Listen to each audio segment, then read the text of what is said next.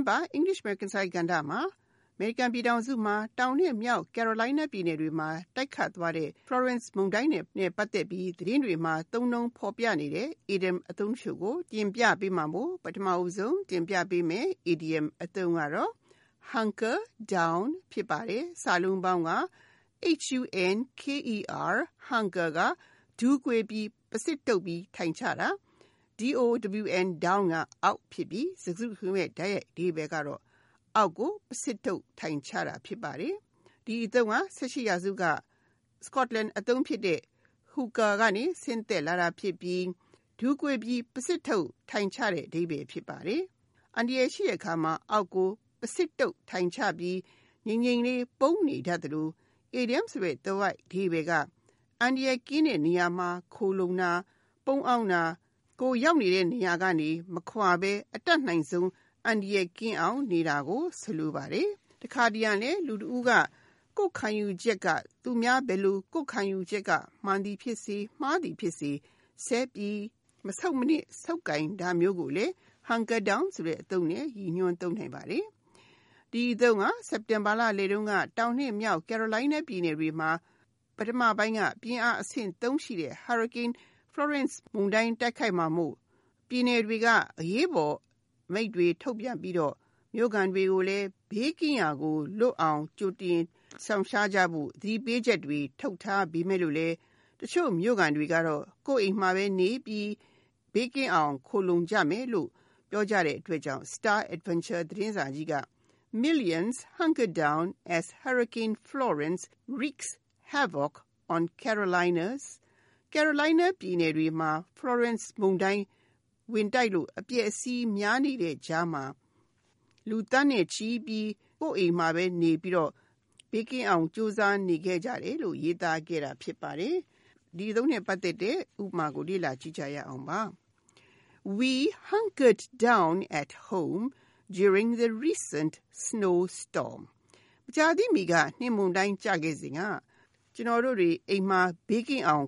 နေခဲ့ကြတယ်လို့အဓိပ္ပာယ်ရပါတယ်။ခုဆက်လက်တင်ပြပေးမှာကတော့ stay put ဖြစ်ပါတယ်။စာလုံးပေါင်းက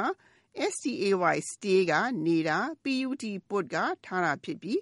စကားစုရဲ့ဓာတ်ရိုက်အဓိပ္ပာယ်ကထားတဲ့နေရာမှာနေတာဖြစ်ပါတယ်။ဒီအသုံးရဲ့ idiom အဓိပ္ပာယ်ကတော့ကိုရောက်နေတဲ့နေရာရှိနေတဲ့နေရာမှာပဲနေပြီးဘယ်မှရွှေ့မသွားတာဖြစ်ပါတယ်။ဒီအသုံးကို Florence မုန်တိုင်းတိုက်ခတ်ခဲ့စဉ်က ရပြည်နယ်တွေရှိကို ဘေးကင်းရာ ခိုလုံကြဖို့ ပြည်နယ်အာဏာပိုင်တွေက နှိုးဆော်ခဲ့ကြပြီးမဲ့လို့နှိုးဆော်ခဲ့ကြပြီးမဲ့လို့လေတောင်ကယ်ရိုလိုင်းနားမှာ တချို့တို့က တခြားပြည်နယ်တွေကို မသွားကျင်ကြပဲကိုယ့်ပြည်နယ်မှာပဲ ဆက်နေပြီး မုန်တိုင်းကို ရင်ဆိုင်ကြဖို့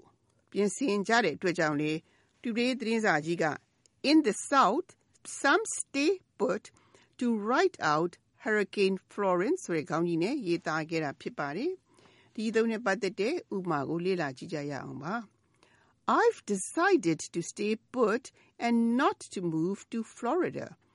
ကျွန်တော်ဒီမှာပဲနေတော့မယ် Florida ကိုမပြောင်းတော့ဘူးလို့ဆုံးဖြတ်လိုက်တယ်လို့ဒီပဲရပါတယ်ခုနောက်ဆုံးတင်ပြပေးမယ် idiom အသုံးကတော့ ride out ဖြစ်ပါတယ်စာလုံးပေါင်းက RIDE right ကစီးတာ OUT out ကအပြင်ဆိုတော့စကားစုရဲ့တိုက်ရိုက်ဒီဘက်ကစီးပြီးအပြင်ထွက်တာဖြစ်ပါတယ်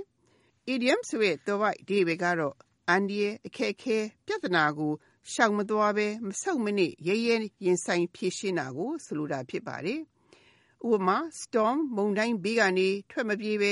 ရင်ဆိုင်မယ်ဆိုရင် ride out the storm လို့သုံးလို့ရပါတယ်။ဒီအသုံးကိုမြောက် Carolina ပြည်နယ်ရှိ Myrtle Beach ကမ်းခြေနေလူတချို့ကအင်အားကြီးတဲ့ Florence မုန်တိုင်းတိုက်မယ်လို့သတိပေးချက်တွေထုတ်ထားပြီးမဲ့လို့လေ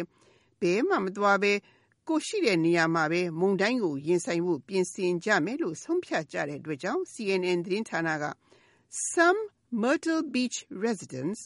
plan to ride out the storm ဆိုတဲ့ခေါင်းကြီးနဲ့ရေးသားခဲ့တာဖြစ်ပါတယ်။ဒီသုံးနဲ့ပတ်သက်တဲ့ဥပမာကိုလေ့လာကြည့်ကြရအောင်ပါ။ The mayor decided to ride out the scandal. မြို့တော်ဝင်ကအရှုပ်တော်ပုံနဲ့ပတ်သက်လို့ရင်ဆိုင်ဖြေရှင်းဖို့ဆုံးဖြတ်လိုက်တယ်လို့ဒီပဲရပါတယ်။ ဒီသတင်းပါတင်ပြခဲ့တဲ့ idiom အသုံးတွေကတော့ hunker down, stay put, ride out တို့ဖြစ်ကြပါတယ်။နောက်သတင်းပတ်ခုလိုချိန်မျိုးမှာလည်းနောက်ထပ် idiom အသုံးတွေကိုဆက်လက်တင်ပြပေးဦးမှာမို့စောင့်မျှော်နားဆင်ကြပါရှင်။